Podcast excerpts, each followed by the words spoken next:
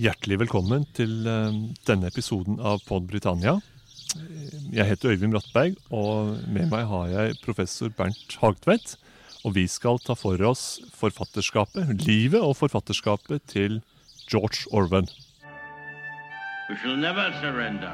The pride in who we are is not a part of our past. It defines our present and our future. The people of Scotland have spoken. England, Scotland, Wales, Northern Ireland together, taking us forward, unleashing the potential of the whole country. Vi sitter her uh, omgitt av, uh, av fuglesang, og det kan oppleves Ikke bare kan, det oppleves uh, rent så idyllisk. Men vi skal bore ned i et liv og et forfatterskap som ikke bare var, var idyllisk. Det er et, et mangfoldets liv, og et liv rettet mot både sosial nød og, og urettferdighet. Um, hvem var George Orwell? Hvor begynte hans livs reise? Vi kunne begynne med å si at eh, også George Orwell var opptatt av fugler. At han var opptatt av det engelske landskapet, av bekkene, av hele det poetiske ved det engelske landskapet. Han var jo en engelsk eh, en beundra Englishness. Så hvis du, skriver, hvis du leser hans bok om, om Øster Catalonia, så er det en skildring der når han kommer til Kent. Og når han skal tilbake til badet, det lunkne ølet og alt sammen, de trekkfulle husene. Det er veldig engelsk. Hvis du har råd til det, da. Altså Han blander opp i sosial indignasjon med det samme. Men hans naturbegeistring er jo naturlig for oss å minnes om her vi sitter. Eh, George Orwell ble født i 1903 under navnet Eric Blair. Han eh, vokste opp eh, delvis i India, hvor faren var del av det britiske kolonistyret. Han vokste også opp i Sør-England, hvor faren trakk seg tilbake som pensjonist. Han fikk to stipender, ett til en privatskole som het St. Cyprians. Den hatet han. Han mente det var en foregripelse av det totalitære samfunn. Og han fikk senere et stipend til Eton. Det var naturlig at han skulle fortsette på et universitet, men det ville han ikke. Så ble da en del av det britiske oversjøiske politi i Burma. Så med en gang har vi da to begivenheter som former ham. Det ene er møtet med britisk kolonialisme hvor han særlig var opptatt av hvordan den britiske kolonialismen brakte fram de verste egenskaper i seg selv.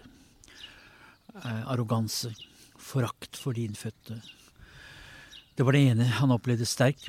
Han forlot politiet etter en kort stund. Mm. Og det andre store, overgripende erfaringen var i våren 1937, hvor han kommer til Barcelona og ser den korte anarkistiske våren. Han var med i den marxistiske, anarkistiske gruppen POUM. Og han var på permisjon og opplever da skuddvekslingen i Barcelona, hvor altså det spanske kommunistpartiet, i ledtog med Stalin selvfølgelig, gjør hva de kan for å bekjempe anarkistene. De to begivenhetene, kampen mot kolonialismen og kampen mot det totalitære samfunnet, ikke minst løgnen han opplevde i Barcelona, propagandaens forgiftende virkninger. De to begivenhetene er det avgjørende som utgangspunkt for å forstå Erik Arthur Blair. Det er jo et, et uh, mangfold av tema som, uh, som, tegnes opp her. Og jeg tror felles for det du er, det du er inne på her, er jo en, en, slags sannhetssøken. Et ønske om å trenge gjennom det som er eh, sjablonger og, og, politiske strømninger som ikke i realiteten er, er sanne. De, de eh, trekker en i retning noe som, som, som tildekker, tildekker, sannheten. Var det noe av det han opplevde også i, i Burma? Sånn sett i ettertid så virker det jo besynderlig at en samfunnskritiker, som ofte forbindes med venstresiden, tilbrakte sine egne 20 år, altså han var en, vel en fem-seks år i sitt tidlige voksenliv, rett og slett politimann for det britiske imperiet eh, på vegne av det britiske imperiet i, eh, i Burma. Hva slags dansesreise er nå det? Nei, Han opplevde jo forakten for burmeserne den klassiske essayet 'Hanging', hvor han beskriver henrettelsen av en innfødt. Fylles med vemmelse overfor det han er med på. Han eh, skjønte jo at eh, det britiske samveldet var jo basert på en løgn. Det var en illusjon å tro at det var særlig siviliserende. Han var opptatt av økonomisk utbytting. Så ganske kort tid etter at han kommer til Burma, så begynner den kritiske bevisstheten i ham å, å, å, å vokse. Men det avgjørende er Barcelona 1937, hvor han ser altså propagandaens virkninger. Han blir opptatt av klart språk, han blir opptatt av løgnen, og ikke minst han er opptatt av sin motstand mot alle former for abstraksjoner. Der du har abstraksjoner, der får du løgn. Du skal skrive så klart og sjargongfritt. Omtrent han sammenligner med en, en glassplate, window pane. Så enkelt skal det være. Og kriteriet for en god skribent er viljen og evnen til å konfrontere seg selv med unpleasant facts. Det som umiddelbart uh, du ikke forstår, eller kanskje du ikke liker, må du konfrontere deg med. Og det aller verste uh, når det gjelder, forfusking og forfalsking, det er når et parti eller en gruppe forlanger at du skal endre dine egne følelser. At du skal skifte dine egne følelser. Og at det ikke er politisk eh, korrekt. Og hele hans antikommunisme kommer fra Barcelona i 1937.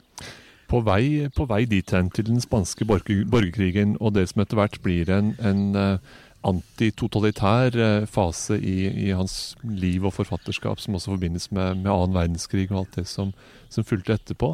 Forut for alt det så tilbrakte han eh, 1930-tallet som en ung, håpefull eh, forfatter og, og samfunnskritiker. Spaltist, ja. Og spaltist. Ja. Eh, og en intellektuell i ordets virkelig rette forstand. Og noe av det han eh, grep tak i veldig eksplisitt, og hadde et stort ønske om etter å ha kommet hjem fra, fra Burma og, og, skulle starte sitt, sitt frie intellektuelle liv. Noe av det han var aller mest opptatt av, var å oppsøke fattigdom, oppsøke sosial nød, og skrive om det. Også det med en viss tvetydighet, ikke sant? fordi han forbindes jo gjerne med, med venstresidas sosiale engasjement. Ja. Men samtidig hadde han også en slags iboende eh, forakt for deler av venstresida. Dels, dels så, så, skrev han eh, brangfritt om alt han møtte av, av, elendighet, rett og slett for å mane frem hva slags elendighet mennesker Down and out in Paris and London. Nettopp. altså ja. han, han, tok, han, han sov i, i, smugene og jobbet i oppvasken og forsøkte rett og slett å opp, oppnå en slags erkjennelse av hva nød er for noe. Ja. Og så eh, hadde han jo åpenbart et, et, ønske om sosiale reformer og, og ja, ja. forbedring og slikt, men han hadde ikke særlig tiltro til hva venstresiden selv bedrev for å rette på situasjonen heller. For Utdyp dette litt, hvordan han egentlig eh, her opptrådte her. Mange ting vi kan ta opp. En av de beste bøker som er skrevet om Orwell, er jo Christopher Hitchkins, 'Orwells Victory', hvor Hitchkins fremhever at Orwell hele tiden prøvde å mestre seg selv Altså konfrontere seg selv med sine fordommer. Han var full av fordommer. Det er ikke til å komme fra at han dyp skepsis til jødene. Det måtte han konfrontere seg selv. Han likte ikke skottene. Skrev ingenting om Wales. Han var eh, veldig foraktfull overfor homofili. Dette, dette, måtte han arbeide med, så å si, for han skjønte at han var selv full av fordommer. På samme måte var han full av fordommer overfor arbeiderklassen. Liksom, så mange, Den var skitten og uren og ugrei, ja, ja, også i Nord-England, som han var betatt av. Som John Kennedy sa, I don't like the people they smell in the subway. Det er noe av det samme der. Så han kjempet med sine egne, han var motsetningsfullt.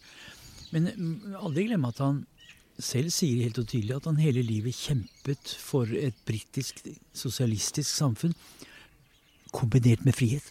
Sosialisme nedenfra. Men han hadde kanskje ikke så veldig tiltro til at arbeiderklassen selv ville heve seg opp, men han hadde jo ikke noe annet valg. Det er vel riktig å si at han beundret jo det engelske folk. Han var veldig aktiv i Home Guard i 1940 f.eks. Han hadde jo tro på det vanlige menneskets uh, innsikter, men samtidig en dyp ambivalens. Og det er jo ofte sånn med sosialistisk intellektuelle. ikke sant? Det er full ambivalens. Og her er altså Orwell den samme. Jeg vil si sammenfattende at han var full av motsigelser. Han var Tory i, sin, i sitt personlige liv borgerlig kledde seg og alt sånt. Samtidig var han sosialist og radikal. Elsket den engelske landsbygda. Samtidig som han foraktet Toryene og, og full av fjernhet overfor det britiske klassesamfunnet. Noe av det vakreste han skrev om eh, det engelske, eller det britiske, men aller helst det engelske, var jo på terskelen til annen verdenskrig, ja. Eh, 'Line and the Unicorn', f.eks., ja. hvor han jo bejubler en del uh, ja, både skjønnheten I, i sine omgivelser, og han bejubler eh, patriotismen også, på et, eh, på et visst nivå. Og Ja, og Her kan vi skille mellom patriotisme og nasjonalisme. Han var mot engelsk nasjonalisme. Absolutt. Han var for patriotismen, som er en umiddelbar kjærlighet til landet og folket og landskapet, uten å måtte fremheve seg selv på bekostning av andre. Og han ønsket en dermed en slags hva skal man si, progressiv fedrelandskjærlighet. Ja, Absolutt. Han var ikke nasjonalist, men han var patriot. Og det er ganske viktig at eh, man kan være patriot eh, uansett etnisk opprinnelse, og prøver ikke å fremheve sin egen følelse for landet som noe mer eksklusivt eller annerledes eller bedre enn andre. Det er viktig vilje å skille der. I sin Notes on Nationalism så gjennomfører han det skillet veldig nøye.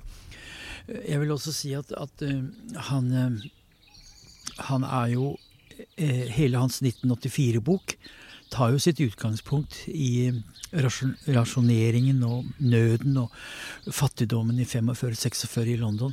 Men det som jo er aller verst, det er jo hvis England aldri skulle eksistere. There will always be an England, sa Orwell, men han var ikke så helt sikker. Fordi i 1984 så har vi jo et samfunn nedstøvet, forslitt, som ikke engang hadde sitt eget navn. Forrådt av totalitære, forrådt av den engelske stalinistiske venstresiden. Det er det som var hans motstand. Så 1984 er også et forsvar for England som en stat som han elsket. Og truslene mot England, som kommer fra forståelsesfulle, unnfallende britiske stalinistiske intellektuelle. Må huske på at 1984 var rettet mot dem. Nazi-Tyskland var overvunnet. Alle forstod at Hitler var ond. Men omfanget av Stalin-beundring gjorde han veldig redd. Han kunne forstå beundringen for Den røde hær, for det russiske folk, men unnfallenheten overfor Stalin skapte en veldig redsel i ham. Det er også bakgrunnen for at han fra sykesengen i University College Hospital kom med en rekke navn til etterretningssjefene, etterretningsbyrået i England, via en kvinne som er ansatt der. En rekke navn som han ber etterretningstjenesten være oppmerksom på, og som vil bli landsforrædere i tilfelle en sovjetisk invasjon. Det er jo et absurd at den, den, den frie intellektuelle nærmest angir sine egne. Men der var altså frykten for en sovjetisk invasjon og unnfallenheten blant de engelske intellektuelle sterkere enn hans forsvar for uh, rettsstat. Du uh, sveiper her innom de to uh, verkene som, som Orwell vel er aller best berømt for. Altså 'Animal Farm' eller 'Kamerat Napoleon' og, og 1984. Ja. Begge to springer ut av opplevelsen fra annen verdenskrig og, og etterslepet fra annen verdenskrig. Barcelona 37. Eh, Kampen mot det totalitære. Ja. Frykten for hva fremtiden ville bringe i så Ja. måte. Hva er eh, verdien i disse to bøkene sett fra i dag, eh, snart Ja, altså, åtte-ti jeg, år senere? si, jeg vil si at, at uh, altså, Kamerat Napoleon, eller Animal Farm, det er jo først og fremst en analyse av tilstanden i et totalitært samfunn. Noen er likere enn andre. Altså den eh, vekten på likhet som selvfølgelig ikke klarer å skjule at det er masse privilegier her. Og det var han veldig opptatt av, at Sovjetunionen var full av privilegier. Og han var opptatt av hvordan løgnen og forstillelsen er gjennomgående trekk ved disse, disse regimene. Det kan man se det rundt omkring i dag. Se på Nord-Korea. Ja, Polen er på god vei til å oppheve den frie pressen. Ungarn er ikke lenger et demokrati. Og ikke minst Putins Russland er jo nå eh, langt på vei ikke noe demokrati. Aldri vært det. Altså, Orwells analyse er to the point på en rekke områder. Ganske riktig når 1984 utkom, så skjønte jo kommunistene hvor farlig boka var. Med en gang. De skjønte det med en gang. Og eh, jeg vil si at du kan lære av Orwell én ting. Klart språk. Sjargongfritt, klart språk. Og lysten og evnen til å konfrontere deg med ubehagelige trekk, også i din egen posisjon. Det er noe man kan hele tiden være oppmerksom på. Jeg vil si det er en forbindelse mellom Arne Næss og George Orwell. Betydningen av klart språk. Definisjoner. Uteknisk fremføring. Og ikke minst evnen til å se svakheter i din egen tenkning. Det er noe man kan lære, og ikke minst dagens studenter lærer. Mot alle form for sjargong, ikke minst i samfunnsvitenskapene. Og en årvåkenhet eh, overfor eh, trusselen om en, eh, en, en sterk og overvåkende stat. Altså tanken om at storebror ser deg, at det finnes et tankepoliti. Eh, at det drives en effektiv eh, propaganda med ønske om å forme borgeres sjel og sinn osv. Det er meget få diktere som har kunnet forme vår forståelse som Orwell. Nytale, newspeak, double think. Hele den ideen om at språket er forførelsesmiddel. Og det som ligger under hele 1984, er jo den veldige veksten i byråkratiet i England etter eh, annen verdenskrig. Store, kontrollerende byråkrati som var nødvendig, og rasjonalisering og sånt. Det sammen med den forferdelige vinteren 45-76, rasjoneringen og fattigdommen. Alt dette går inn i 1984, men med særlig vekt på frykten for den sterke stat. Det er noe som går igjen, vi kan lære hele tiden. Ikke minst syns jeg det er fascinerende å se hvordan orwellianske talemåter i dagens norske politikk Kvalitetsreformen, nærhetsreformen, det er ren Orwell. Han er jo himmelen og skoggeler av dagens regjering.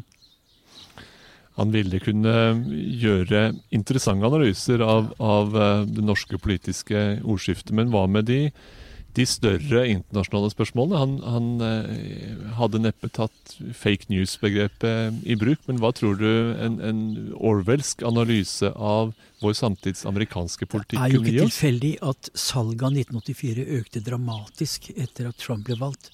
Sammen med Hannah Arendts 'Origins of Totalitarianism'. Folk skjønte at her var ting på gang. Eh, husk at i 1984 så opererer han med tre store verdensstater, Oceana og de to andre. Og han var veldig opptatt av at de hele tiden ville ligge i konflikt med hverandre. Altså Han foregriper den kalde krigen. Husk at 1984 kom i 49. Han skrev det i 47-48. Han forsto veldig tidlig at det ville komme til en enorm verdensomspennende konflikt mellom USA og Sovjetunionen. Han så ikke klart Kina, for Kina var jo da i en borgerkrig. Men han så veldig tydelig at uh, verdenspolitikken ville ta den formen som den faktisk fikk.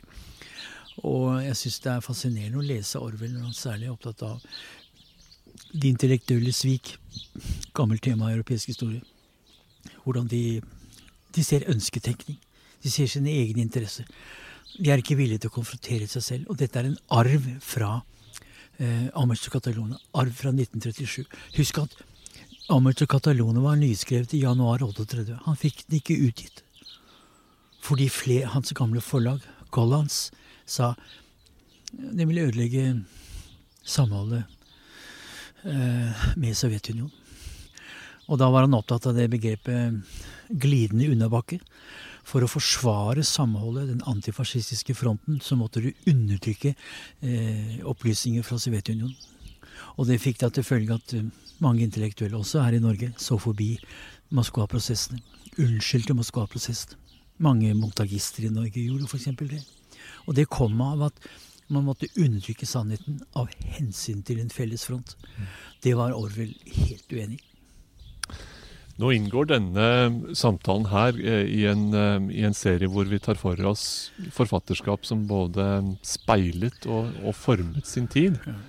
Eh, og George Orwells forfatterskap er jo, det er jo til de grader politisk. altså Det går rett inn i en løpende samfunnsdebatt. De store spørsmålene, de, de, de grunnleggende eh, temaene knytta til både frihet og medborgerskap og, og eh, hva fremtiden skal bringe.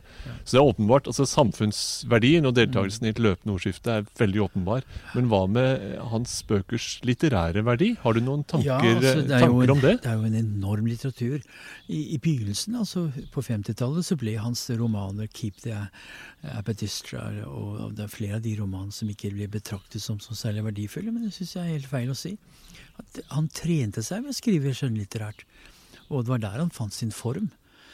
Jeg tror at uh, hele hans forfatterskap er dypt verdsatt i dag. Altså 1984 er solgt i 40 millioner bind. 62 språk.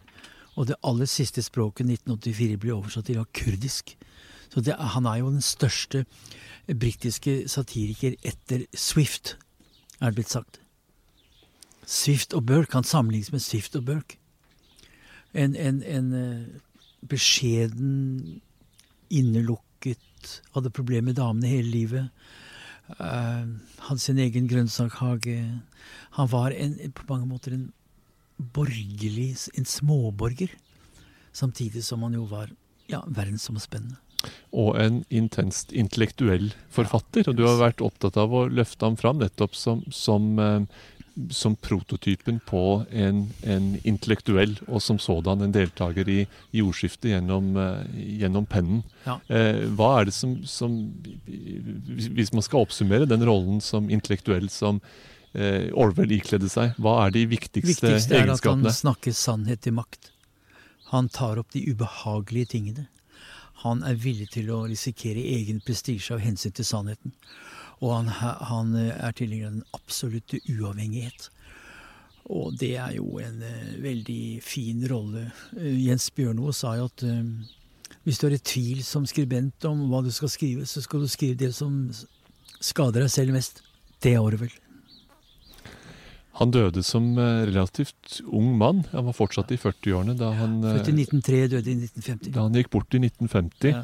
Eh, hva var det hans eh, forfatterskap kunne brakt eh, på den videre ferden, tror du? Han hadde en, en, en voldsom produksjon bak seg, en voldsom reisevirksomhet, en, en voldsom deltakelse i alskens samfunnsdebatter, og spesielt knyttet til de intense 1940-årene, både ja. verdenskrigen som sådan og årene umiddelbart før og etter. Men hva ville 50-tallet gitt ham, og det som fulgte etterpå i europeisk historie?